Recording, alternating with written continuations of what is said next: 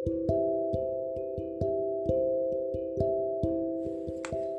selamat pagi, siang, sore, malam, apa pun itu bagi kalian yang baru ngedengerin podcast aku di pagi hari, di siang hari, atau sore atau di malam hari. Selamat pagi, siang, sore, malam. Aku mau tanya nih, gimana kabarnya kawan? Semoga baik ya. Dan bagi kamu yang ada di zona friendzone, semoga hari kamu menyenangkan. Wush.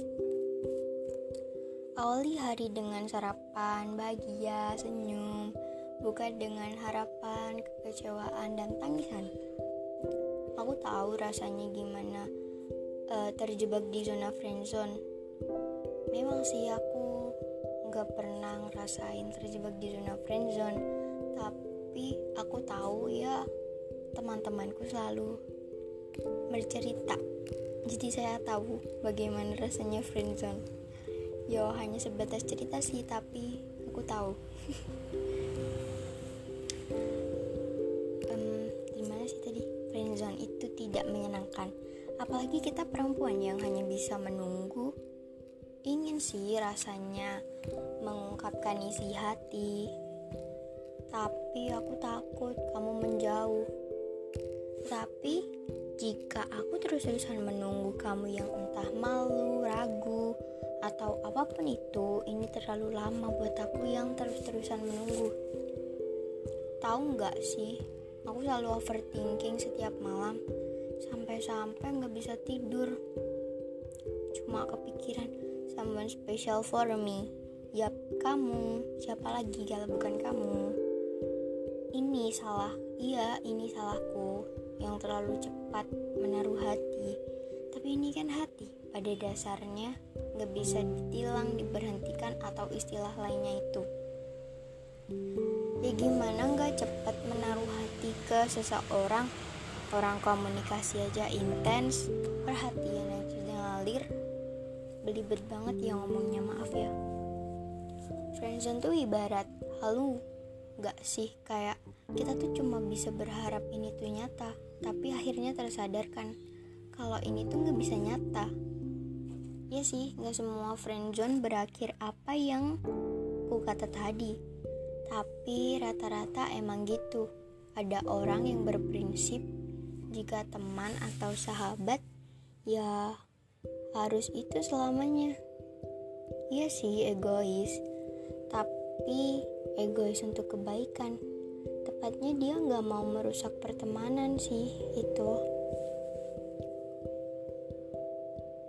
Ibarat tuh friendzone tuh kayak kamu tuh manusia tapi pengen punya anak kelinci gitu. Nggak bakal bisa. Udah beda beda mak eh beda jenis makhluk hidup gitu kan. Gak bakal bisa